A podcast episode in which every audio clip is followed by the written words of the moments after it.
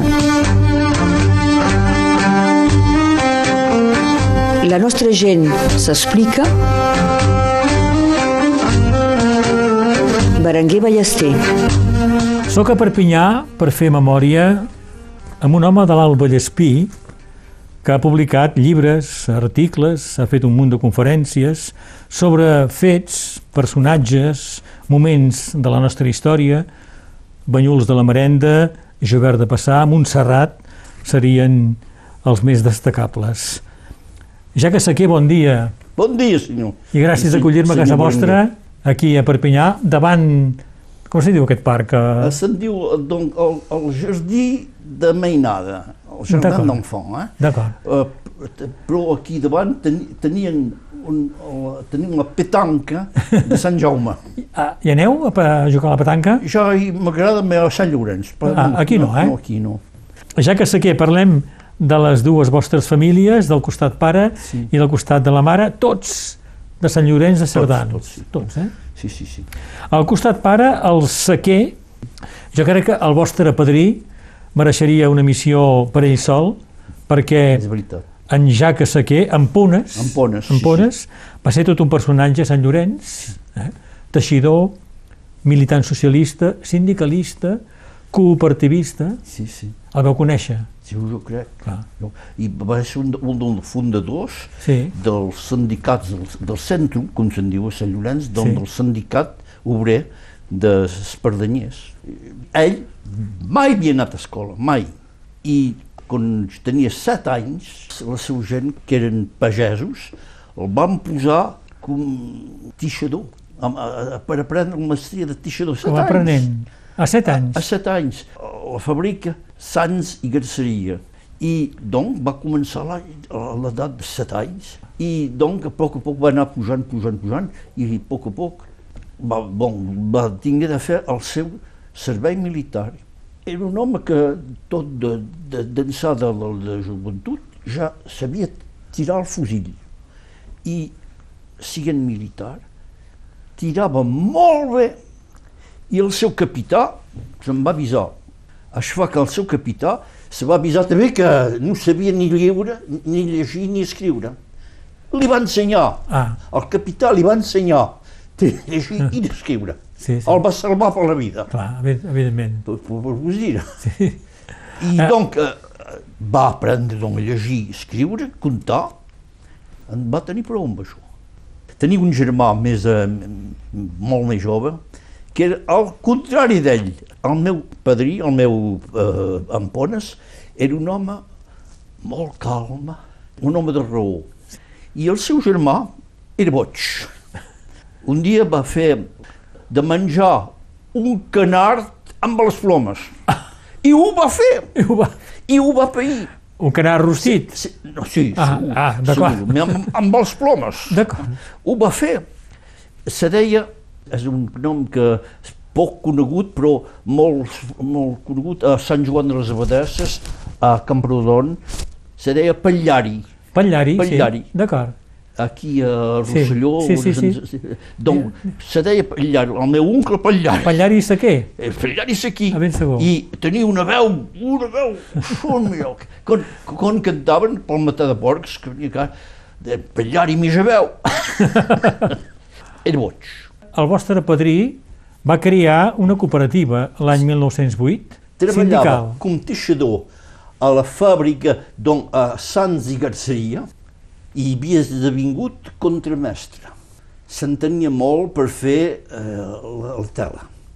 I companys seus, que eren el Partit Socialista, van, en des 1908, se van tinguer de, van tinguer de sostenir les llurs meves esposes que havien fet una, una vaga, sí, una vaga d'obreres.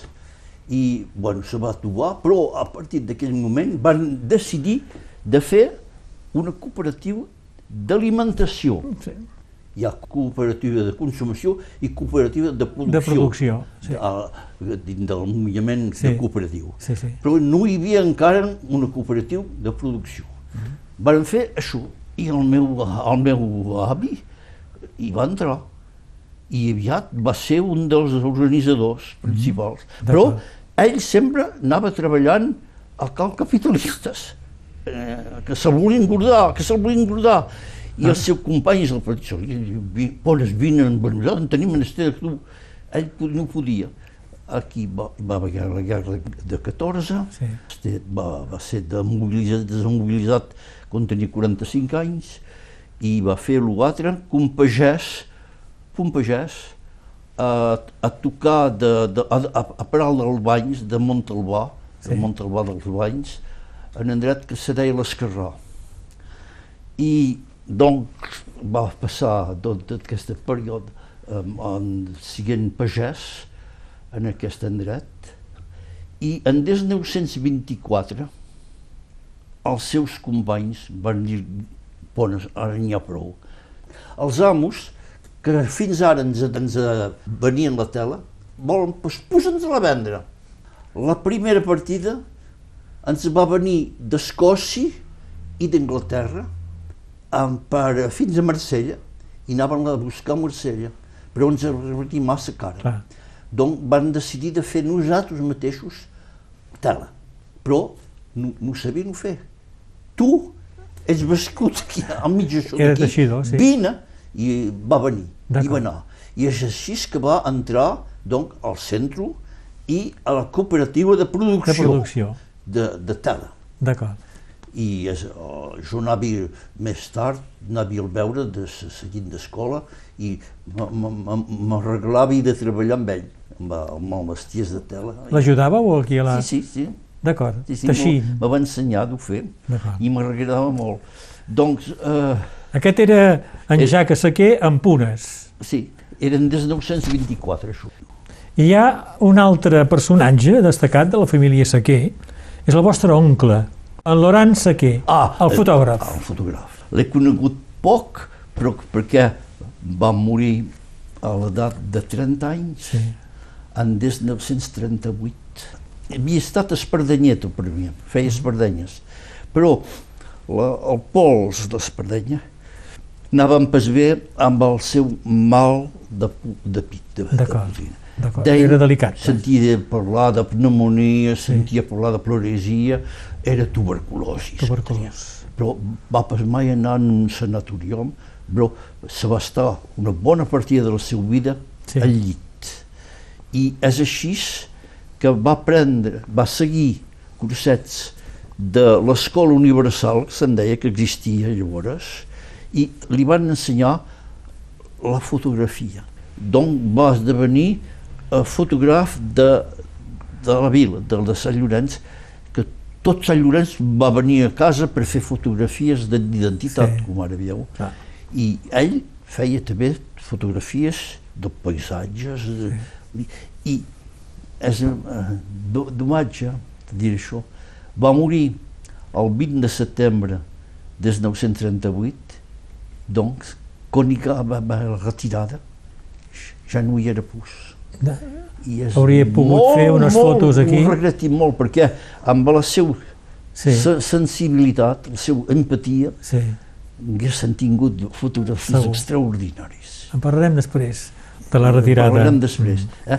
I d'ell teniu, vos, també l'interès per la fotografia. Ah, Llavors, és, és ell que m'ho va comunicar, me va comunicar el microbi, el virus de la Sí, fotografia, eh, havia pogut s'acrompar els milions aparell, els milions, eh, els milions càmeres de fotografia de llavors. Sí. I me recordi que m'ho mostrava amb molt de... Era, era horrós de, de, de, Sí. me mostrar com, ara, com, com, feien uh, agrandissements, com feien fotos de lluny, fotos de prop, m'ho ensenyava tot això. I el meu pare, que era sabater, se va pas mai malfiar que la fotografia m'agradava. Quan el meu oncle va morir, va donar tots aquells aparells Ah. al fill del seu mestre, eh, del, del que li havia ensenyat de fer sabates. Li va donar, supos que n'ha fet, però Ah. jo sempre havia argumentat després d'això Sí. i arreu que vaig poder, que vaig ser, si voleu, eh, que vaig guanyar sous, perquè tenia un mestier, d'acord amb la meva esposa, vaig pagar Leica, Rolleiflex i eh, Tècnica Linov. Fa. I tot això ho tinc. Bones marques aquestes. Ui, Eh? tot, tot això ho tinc. Molt bé. Parlarem també de fotografies. Per completar les famílies, eh, ja que Saquer, del costat de la mare, que també són de Sant Llorenç, són els Celles. Celles, això Eh? mateix. Varien d'Olot. I Havien vingut... Eh, havien vingut d'Olot, però temps antes Sí, que sí, sí. jo els coneixés. I què feien a Sant Llorenç? Ah, llavors, el meu oncle, donc, el, el germà de la meva mare, Michel Celles, el primer va ser emplegat de, de les finances i la seva dona també. I van treballar a Besançon, Besançon, donc, a tocar de l'Alsàcia.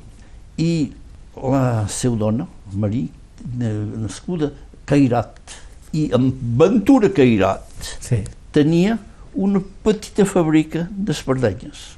Doncs, a poc a poc, els hi va dir torneu a venir, torneu a venir, deixeu-vos de les finances públiques i, I van a tornar? venir i torneu a venir per fer marxar la nostra petita fàbrica. I és el que vam fer i això va anar molt bé, molt bé, molt bé i van poder fer una fàbrica molt més important, fàbrica Celles. Cairat i Celles. El meu oncle, vist de vingut, en 1940, quan en Petain va anunciar que acabava la, la guerra francesa, va demanar als oficis de reserva de l'ajudar. I el meu oncle el va ajudar. I el meu oncle va esdevenir, va esdevenir eh, mera de Sant Llorenç de, des de 1940 fins a des de 1944. El meu pare, el seu, el, Sí. el, el seu cunyat, Sí? el, el, el, el va reemplaçar. D'acord, el vostre pare va ser el... el També el- alcalde de el- Sant Llorenç. D'acord, I en, alcalde de la Resistència, sí. el meu pare. Doncs eren ben diferents un i l'altre, No, no? no, s'entenien molt bé. Ah. Eren cunyats, eh? Sí, sí. S'entenien molt bé. Eh, del fet mems que el meu oncle havia donat el seu revòlver al meu pare. No, no, s'entenien molt bé. Una cançoneta nova vos la diré, vos la diré. Del pardal quan se jugava sots l'oranger vos la diré. Del pardal quan se jugava sots l'oranger. El pardal quan s'acotxava feia remor, feia remor per veure si el sentiria la seva mort feia remor per veure si el sentiria la seva mort.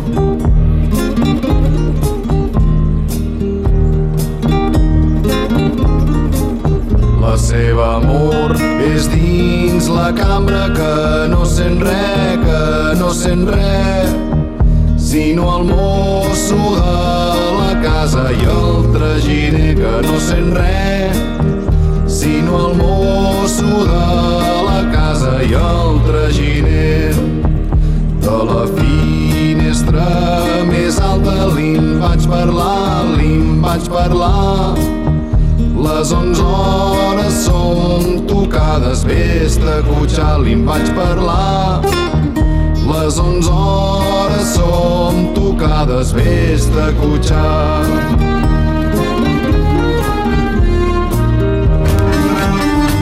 Memòria a Ràdio Arrels amb Berenguer Ballester.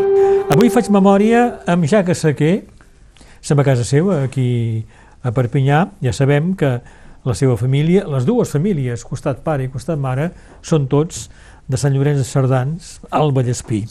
Vos naixiu a Sant Llorenç Sí, sí. l'any 32. El 10 d'abril 32. Aneu a escola a Sant Llorenç. Tota la meva escola de primària l'he feta a Sant Llorenç.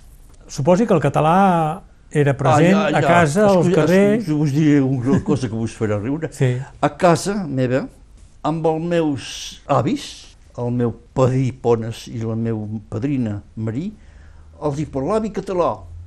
Ells me parlaven català. Però amb la meva mare i el meu pare eh, els hi parlava català i ells me responien en francès. En francès? Sí. I vos parlàveu català I jo els amb els pares? català amb tots, Ah, amb tots. I a escola, doncs, bo, eh, no podíem parlar català, eh? Sí. però jugaven en català. clar. Jugaven en català. I eh, I al carrer tothom parlava català, oh, suposo. tothom parlava català. I a escola, un dels nostres millors mestres era un cosí nostre, em va sentir parlar, se deien Guillaume Julià, Sí? que s'havia deixat la barba, li deien barba. Sí. Era el nostre director d'escola i ens donava punicions com parlava en català i de fora, de fora parlava en català amb ell. Era anava així. A l'any 39 teniu 7 anys, la retirada. Me'n recordo I per Sant Llorenç passa molta gent, eh? molt, Me'n recordo molt bé. Un dia hi havia un oficier de guarda, guardes molins que maltractava un pobre refugiat. Passa el capellà,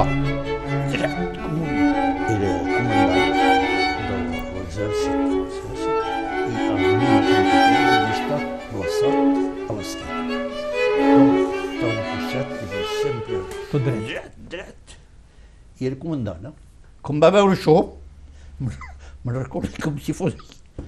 Va dir, deixeu aquest home. I l'oficier de guarda m'havia li diu, i de quin dret? Del dret jeràrquica. Soc comandant i vos seu lieutenant. L'altre se va referir i me'n recordi que el capellà va agafar aquest minyó que l'altre el volia, el volia posar en presó, que, Sí. eh, el va agafar i va dir, seguiu-me. Perquè per Sant Llorenç va passar un munt de gent, eh? això El crec. 39? Oh, diuen 80.000. 80.000. Diu, diuen, Sí, sí. Em vaig veure una colla, una colla, una colla, i dic, i sovint pensi que si cas el meu oncle hagués viscut, hagués fet fotografies estupendes. N'hi ha una que m'agrada molt, que va fer, està fet a Prats del Molló, on hi ha un pobre refugiat que té per la mà la seva nina, Sí, que li, li faltava Una cama. Una cama. és veritat. És una, fet, una fotografia. Sí, I bé, sí. fotografies així el Sí. meu oncle en hagués fet. Segur. I el 40 teniu 8 anys Sí. i plou. És l'aigat. I plou, i va, i plovia. Ho recordeu, plovia, això? plovia. Me'n recordo, sí, però ens estaven a aquesta casa, que és el castell, doncs, lluny, lluny de la Ribera. Sentien el soroll de la Ribera, però eh, veient que la Ribera desbordava, Sí. però Vosaltres no estàveu pas directament nosaltres afectats. no, no, no, anérem massa lluny. Perquè Sant Llorenç va ser un dels llocs amb més pluja. Pa- una pluja, una pluja que parava mai i a, casa, a Sant Llorenç hi havia una pobra casa, pobra casa que va ser destruïda per el Comal. Sí. Bueno, és, tot el que vaig, vaig veure. Ja que sequer, doncs eh, aneu a escola a Sant Llorenç. De fet, feu estudis a Sant Llorenç fins al 44, quan se'n van els alemanys. És això. I llavors la meva gent van dir que podien anar a, a, al, al col·legi de Perpinyà, que hi havia pas al Liceu Aragó encara, era el col·legi de clàssica de Perpinyà. I Deu ser pensionari. És, és, sí, jo ho crec. Vaig ser set anys de, de pensionari. Allà, el col·legi clàssic de Perpinyà era l'endret que hi ha a la dalt Aragó, Sí, actualment. d'acord. Ho, van, arrenar tot Sí. i és d'homatge. Jo tinc una colla de, una colla de, de records eh, de, dels anys passats allà. I crec que veu ser un bon estudiant. Oh. Sempre havia sentit a dir per la meva gent, però sobretot el meu, el meu padrí, Pones, la meva padrina i la meva mare, que me calia fer el meu mestier. Donc, treballava, treballava. I havia estat un estudiant que treballava. Tenia, tenia la fama de, de ser un gros treballador, i és veritat.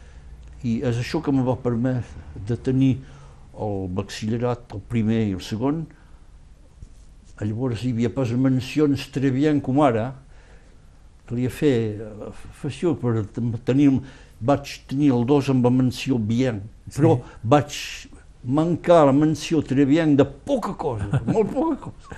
bueno, en tenia, però, però el, el meu eh, dossier era tal que al Liceu Grand me van prendre arreu. A París? Ah, sí. I, I aneu a l'Escola Normal Superior? Sí. Tot el que he fet després és gràcies a el que havia après de Grand, jo crec. Vaig fer coneixença d'una colla de, de nois que van fer un camí també.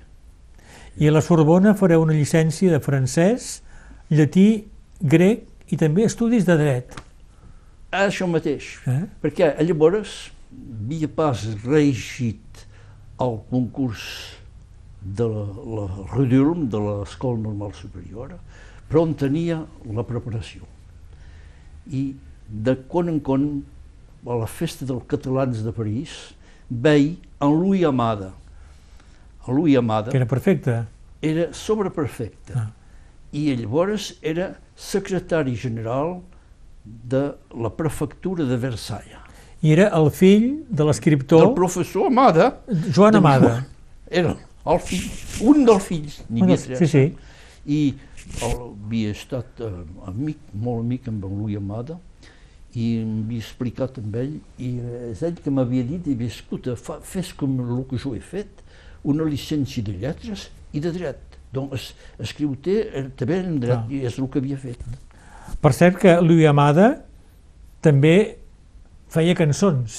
Ah, ell eh? era poeta. Era, amb la Piaf, amb Becó, ah, cantaven cançons de, de Louis Amada. És, és veritat, és veritat. Mm -hmm. Hi ha una, una petita història que diu ell amb el seu pare havia fet un poem i el seu pare va dir ets poeta tu. Ah.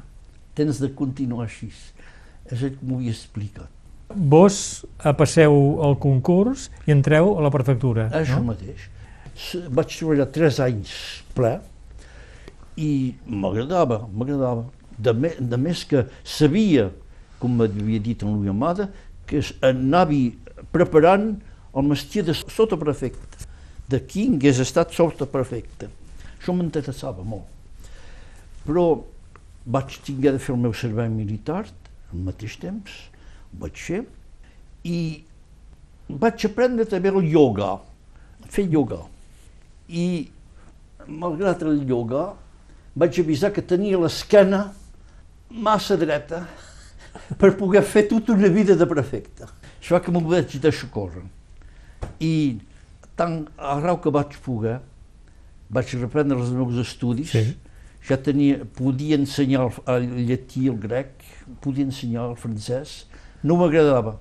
Però, siguent eh, estacat a la prefectura, el que em vaig avisar és que molt de problemes que tenien els alcaldes, els diputats, els consellers de, del departament, venien del fet que mai s'havien posat qüestions sobre el lloc de treball. I venia del fet que havien pastingut una instrucció cívica això que em vaig dir, hi ha un post a prendre aquí. Donc, miraré de poder ensenyar l'instrucció cívica. Per això me calia ser professor d'història i geografia. Donc vaig començar a, a zero, vaig deixar descostat d'ensenyar el francès, el llatí i el grec i vaig començar estudis d'història i de geografia. D'acord. I vaig anar pujant a fins a l'agregació sóc professor agregat i el doctorat, sóc doctor d'història i doncs vaig posar com més amunt podia, sí, sí. però vaig deixar córrer de, de, de ser eh, professor a la Universitat de Perpinyà, com m'ho proposaven, sí. perquè me quedava quatre anys a fer. Ah. Volia passar la pena. I va ser professor? Vaig ser professor del Liceu. Amiens? A, Amiens, i després a, a, a Tula. A Tula? A Tula, nou anys, uns milions d'anys de la meva vida. Ah. A Tula, I finalment a Perpinyà, i Perpinyà. el sol.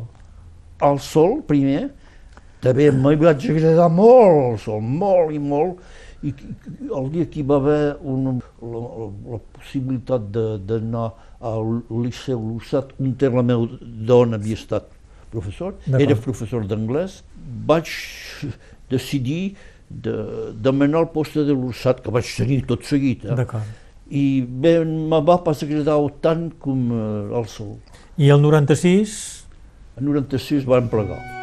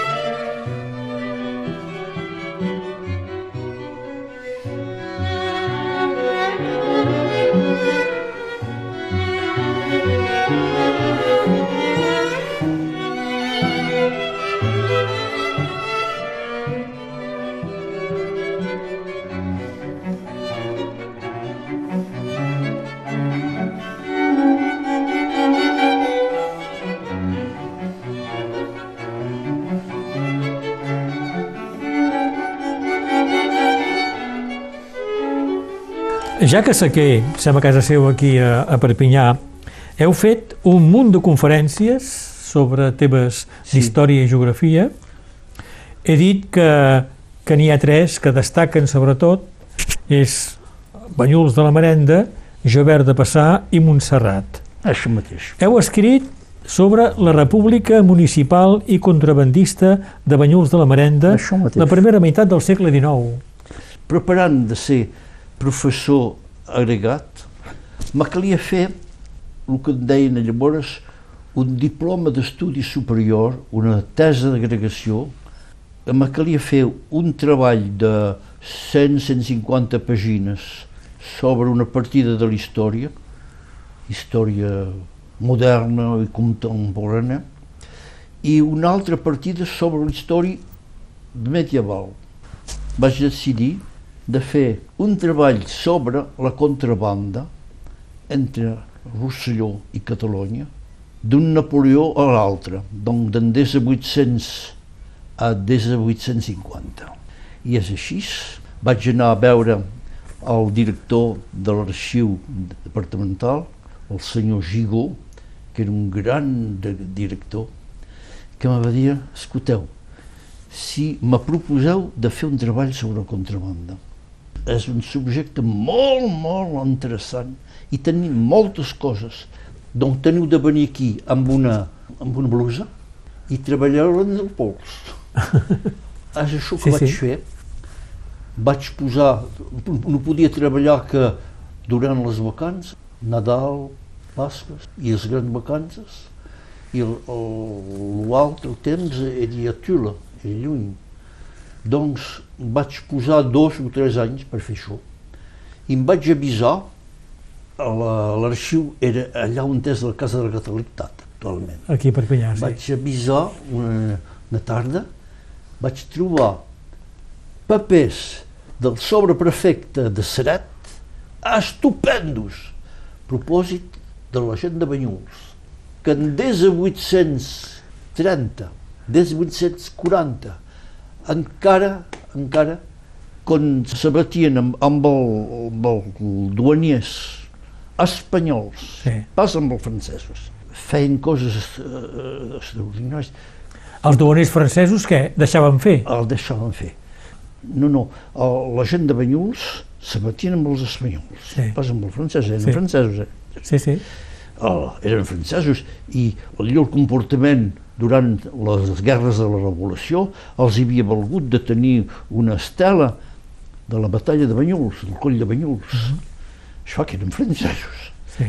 I però, quan agafaven duanyes espanyols, els hi trencaven Ah, sí? la, les partides sanitals, quan eren morts, eh?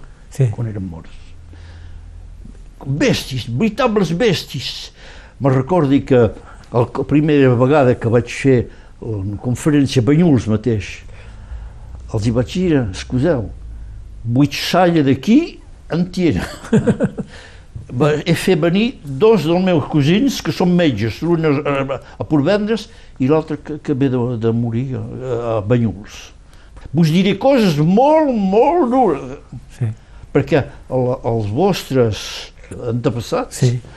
I bé pff, amb els espanyols eh, Perquè eh, en pestendres eh? el contraban a Banyuls, que era una ocupació majoritària de la gent de Banyuls, Absolutament. La població de Banyuls llavors era sobretot eh, eh, ramassada al, al torn del Puig del Mas. Sí. Puig del Mas, que és l'antic l'antic Banyuls.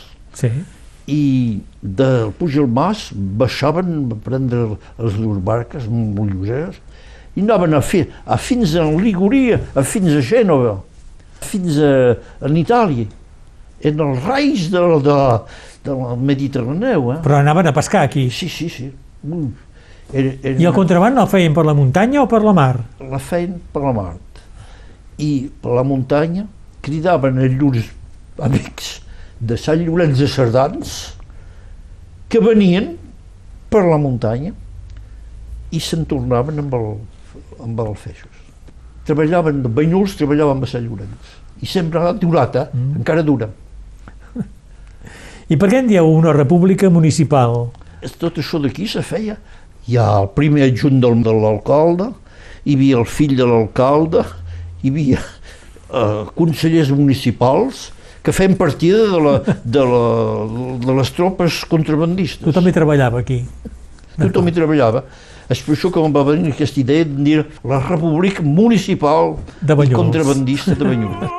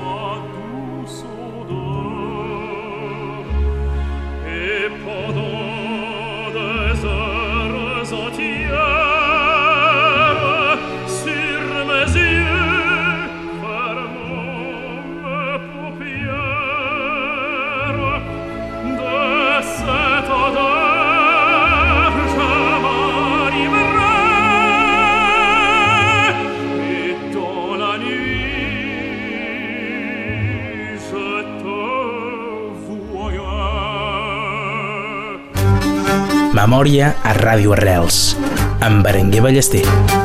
Ja que sé que vos ha interessat també, eh, i especialment, la figura de François Jobert de Passà, de Saret, fi del segle XVIII, primera En- meitat del XIX. treballant, treballant sobre la contrabanda, vaig trobar una colla de papers molt ben escrits i que sempre deien tenen fora que la contrabanda per viure, foteu-los-hi la pau, deixeu-los-hi.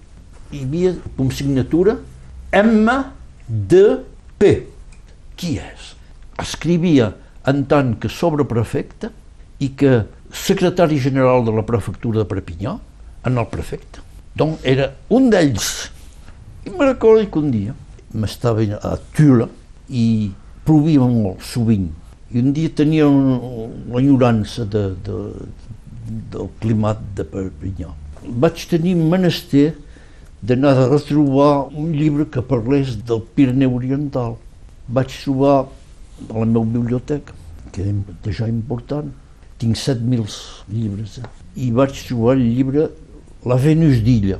I la línia 19, nous descendions de Serrabonne, mon ami M2P, et moi, era Mérimée que escrivia això. Sí, sí. Nous descendions de, de Serrabonne, mon ami M2P, i hi havia una nota a de sota, M2P, monsieur de Passà. sí, sí. Ah, Oh, quina emoció, no? ah sí, Ah, formidable. Tot seguit va, vaig agafar el, el llibre de biografies històrics d'en Capell, de l'abat Capella, i hi havia cinc o sis pàgines sobre en Jobert de Passà. Ah. I d'ençà d'aquest moment Sí. mai pus L'heu deixat. mal d'això. Qui era aquest Jobert de Passà, que escrivia tan bé? I bé, era un an- antic abogat. El seu pare, que havia estat eh, doctor eh, en dret i abocat, un gran abocat de Seret, la seva mare era de Seret, havia fet doncs estudis de dret, els va fer molt aprofundides amb el- els juristes de Napoleó, que havien fet el Code de Napoleó, Code Civil actual. Sí. És en Napoleó mateix que li havia donat el diploma. En Napoleó. A Gilbert de Passar. En, en Jobert de Passame, que era jove, Sí. i donc eh, era jurista. I eh, va, de, va esdevenir bonapartista. Va esdevenir, sí. donc, un admirador de Napoleó. I al moment de, de se'n diu dels 100 dies, quan Napoleó va tornar a venir del primer exil de l'illa d'Elba i antes de la batalla de Waterloo, el Napoleó li va oferir de ser prefet del Pirineu Oriental. I Jobert va dir, no, prefet, mira, millor de ser secretari general de la prefectura, me me permetrà de continuar m'ocupar de les meves pro- propietats, perquè tenia propietats que anaven de Pollestres a fins a Llauró. I la seu gent s'estava en el monestir del camp. El seu pare havia crompat al monestir del camp quan eh, el rei Lluís Cèsar l'havia venut. Donc, tenien molt, una propietats immenses de Pollestres a Llauró. I va dir, eh, jo vull poder seguir el treball del, dels meus obrers, donc, més aviat que prefecte, sobre, eh, sobreprefecte, sí, i més secretari general de la prefectura, d'acord. I un dia, a la prefectura de Perpinyà, van rebre una lletra del rei Lluís XVIII, després de Waterloo. Napoleó era pas, era pas mort, era a l'illa Sí. de Santa Helena, que demanaven si qualcú de la prefectura de Perpinyà podria donar explicacions sobre els canals d'irrigació que hi havia en Rosselló. En Jobert va dir, això ho cal fer. Va demanar doncs, als seus emplegats a la prefectura qui és que podia fer. Ningú. Doncs va decidir d'ho fer ell. Sí. Era només jurista, aquí va devenir agronòm. A poc a poc, a poc a poc, va devenir hidròleg.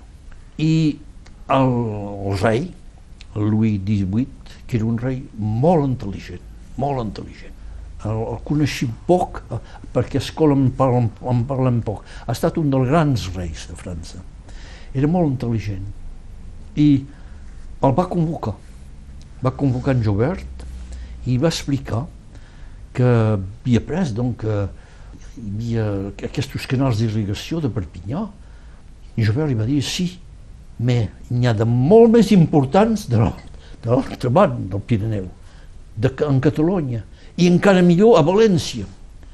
En Louis XVIII va dir partiu en missió oficial i ens tornareu a portar de València a la jurisprudència del Tribunal de les Aigües de València Sí. que encara, encara marxa cada dia Sí, sí, sí. ho van fer i se'n va anar amb un, de, amb, amb, amb un criat, amb un cavall cadon i un, una mula per portar el que tenien de dura de, de València. Però passant a Barcelona va anar normalment a veure el cònsul de França a Barcelona. I el cònsul de França li va dir teniu un complement que vos ve de, de, de França, el rei vos demana de fer més en secret un report sobre l'estat d'esprit dels espanyols, totalment. Clar. Amb més de lo que fareu sobre problemes de l'aigua. Sí. Jo vaig dir, d'acord. I antes de marxar de Barcelona, va anar a veure el que era dic, el, el de Gaulle espanyol de l'època, que se deia el, duc, el duque de Bailen, el mariscal Castaños, que era el sol militar espanyol que havia guanyat una batalla sobre un general de Napoleó en Andalusia, a Bailen. havia estat fet duca de Bailen. I en Jobert havia esdevingut un dels seus amics. L'altre el considerava com un dels seus nets. Va doncs anar a veure el duca de Bailen, el mareixal Castanyes, que el va rebre com un parent. Ens explica tot això i en Castanyes li va dir, "Espereu, antes de marxar d'aquí, teniu d'anar fins a l'Ebre, no risqueu ben res. Però, després de l'Ebre, sereu el realme de València i el que comanda és el meu amic, entre guinyaments, el meu amic Elio, que pot pas, pot pas sentir els francesos. Això fa que faig una lletra, vos confio en la lletra, l'Elio serà ben obligat d'en tenir compte, però vostè no vos apropeu de cap espanyol portant un uniforme, cap alguacil, cap militar. Vos doni la- l'adreça d'un contrabandista que vos manarà fins a València. I aquest contrabandista, que havia esdevingut l'amic, en Jobert, Sí. van passar 15 dies, em sembla, se deia Don Jaime, i va, dins de l'esperit del que en Jobert havia contat en Mérimée, va esdevenir el famós Don José, de. Carmen. D'acord. A Carmen és en Mérimée que ho va escriure, Sí. però con, amb, amb l'èxit que va tenir tot seguit, en Jobert va dir, "Me, la meitat sóc jo que us he fet. Ho he fet. Fa que a partir d'aquell moment Sí. se va posar a escriure ell també. Mm. Carmen és, és, és Sí. l'obra de, de Mérimée. Eh? I després d'en Bizet per l- per l'òpera. Sí, sí. I la, la fera d'en Don José és una, una experiència de Jobert, De Jobert de Bassà. d'en Jobert sí, de sí. passar. En Jobert de Passà, que torna després amb tota la informació del Tribunal de les Aigues de València Això i del sistema de regadiu de... I llavors, en, de en aquell Catalunya. moment, cal dir que, com va tornar a venir aquí a, a Perpinyà, el Consell General de Perpinyà era obert amb to, tota l'Europa. Això fa que els treballs que feien Jobert eren coneguts a per tota, fins Sí. en Polònia, fins a, en Prússia, per tot, era, era molt conegut.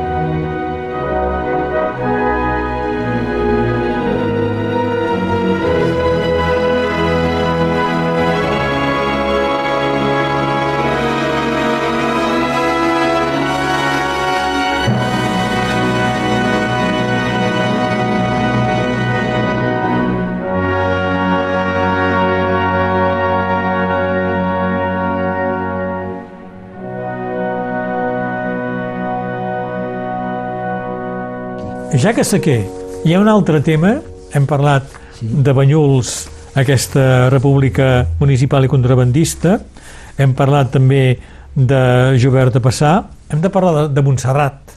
Jo ho crec. Hi heu anat? Ja ho crec. M'heu dit Bueno, 143 cops a Montserrat. 142. Dos, ah, d'acord. Ara m'ha m'hi cal anar pel 143. Tres.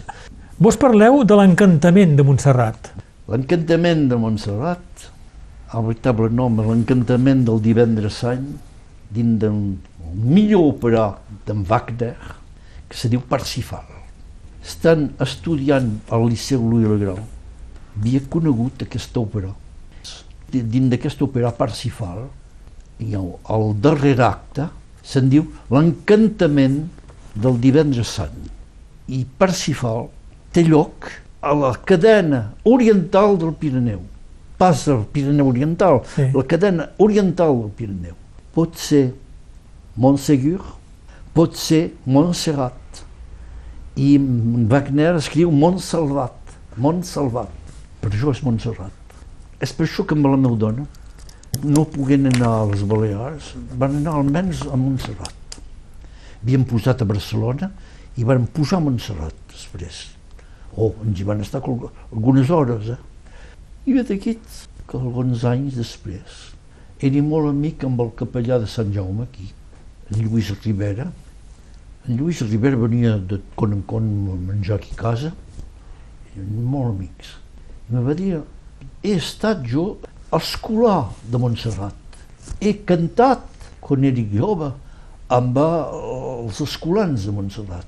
Un dia vos hi manaré, és segur. Vos faré fer la coneixença d'un monjo que és molt humil, però que és, és el conseller molt, molt escoltat del pare Abat. Vam anar a Montserrat una primera vegada, me va fer conèixer el pare Lluís Miret, dit Hildebrand, perquè prenen noms d'antics Sí, sí. monjos. Pare Hildebrand, pare Lluís Miret. Lluís Miret, com de cops va menjar aquí amb nosaltres, Lluís Miret va esdevenir un amic molt, molt pròxim. Me va fer anar a per tot a Montserrat, a per tot. Me va hasta donar la permissió de fer fotografies de nit, durant els oficis de nit vaig pesgosar, perquè me calia fer utilitzar flash, vaig pesgosar, però vaig enregistrar sobre el magnetòfon sí. quilòmetres de, de cants de Montserrat. I què us fascina de Montserrat? Quan escrivia les darreres pàgines sobre en Jobert de Passà, havia treballat sobre llibres a propòsit d'en Jobert de Passà, que eren a la biblioteca de Montserrat, que és la segona biblioteca del món catòlic al món. I això no era possible que si cas pogués llegir nit i dia. Me va fer donar una, la cambra d'un arcabisbe de passatge per poder anar a la biblioteca la nit. Vaig doncs, poder treballar així. Sí. Per vos dir, eh? Doncs, els monjos de Montserrat me coneixien i me coneixen. Sí, sí, sí. El rector actual és un amic que també havia vingut aquí, en Joan Maria Maiol. Eh, doncs, allà som com a casa. Els havia explicat tot això, els havia dit. Van dir a nosaltres, per nosaltres també, estem d'acord, tot, tot ha fet d'acord d'aquest punt de vista. Uh, per nosaltres també, Montsalvat de Wagner és Montserrat.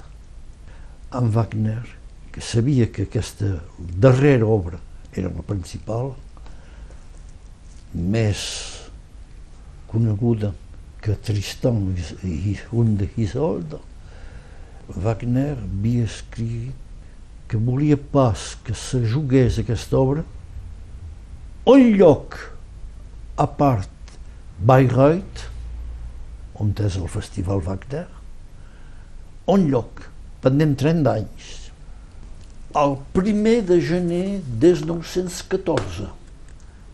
30 anys després de la mort de Wagner, va ser el Liceu de Barcelona que van donar amb eh, una escenografia que era l'obra d'en Gaudí. D'en Gaudí, És en Gaudí mateix que havia fet tot això d'aquí. que també era fascinat per Montserrat. Sí? I tot això era sobre Montserrat. Sí. Eren, hi havia la muntanya de Montserrat, hi havia els pics de Montserrat, tot, tot se trobava sus d'aquesta primera representació de Parsifal a Barcelona. Va ser la, després de Bayreuth amb, amb Baviera, amb, amb, amb, Sí, va ser el primer lloc al món que van donar aquesta obra. molt bé. I actualment actual, a Barcelona encara se, consideren, consideren com hereters. Hi ha un moviment Wagner. wagnerista molt important, eh? A Barcelona. jo crec. Bé, arribem ja a la fi d'aquesta intensa memòria amb Jacques Saquer. Sem a casa seu aquí a Perpinyà, en aquest desembre del 2020. Sí. Posarem músiques Sí, en aquesta emissió. al Pardal, El Pardal, quan, quan s'acotxava. i el Ramó. M'heu dit abans, sóc boig per la música. Sí, és veritat, No puc pas viure sense música. és veritat, és veritat. Quan treballo, me cal Sí, música. Música clàssica, hasta jazz. sí, eh? d'acord. N'hi ha pas cap música que me sembli estrangera, no, no. Com ara, l'encantament del divendres sant Sí, de Parsifal, és per això, al cim. Teniu Doncs- l'impressió que mai s'acaba i seu sempre sobre notes molt, molt, molt lleugeres. ja que sé que estic molt agraït i molt content que m'hàgiu acollit a casa vostra, aquí a Perpinyà, i que hàgiu explicat tantes coses. Sou un home que veu néixer l'any 32 I encara, i encara treballeu. encara treballo, me, me, me falta 25 anys que no, no, no els podré tenir. Teniu idees per treballar Oh, per sí. 25 anys, Oh, sí. encara. Doncs escolteu, veureu si s'hem acabat aquí, vos mostraré l'endret que treballi a dalt. Molt bé. I veureu aquests 7.000 llibres que hi ha per tot, sembla un mig llibre. I direm. Gràcies i bon dia. Bon dia i merci, merci d'aquesta entretinguda.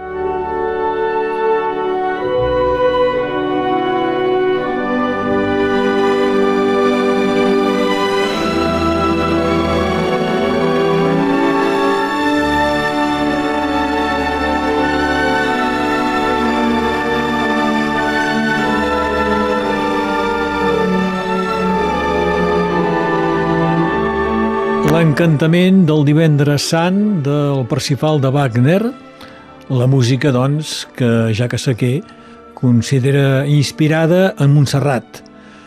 Abans hem escoltat l'ària de Don José de Carmen, de Bizet, Don José, un personatge de Mirimer, inspirat eh, en un company de Jobert de Passà durant el seu viatge a València. L'andante del quartet número 1 de Mendelssohn amb l'Elias Quartet i just per començar el Pardal, que ja que Saquer també ha volgut en aquesta memòria. Després de l'enregistrament, fet una tarda del desembre del 2020, ja que Saquer em porta a visitar casa seua, que, com ha dit, és plena de llibres. 7.000 llibres que ocupen pràcticament totes les parets de la casa. I a dalt de tot, on hi treballa, la casa té tres nivells, m'explica que les vigues les va poder recuperar quan es va destruir l'any 72 el convent de la Mercè, a la part alta del barri de Sant Mateu de Perpinyà. Va ser un enderrocament molt ràpid, ja que Saquer va tenir temps d'anar-hi i demanar si podia comprar les vigues amb les que va fer la seva casa. Unes velles vigues d'una església construïda al segle XIII que encara tenen rastres dels colors catalans, traces de roig i de groc. Ja que Saquer, doncs, va poder recuperar una petita part d'aquell patrimoni medieval. Memòria. La nostra gent s'explica. Berenguer Ballester.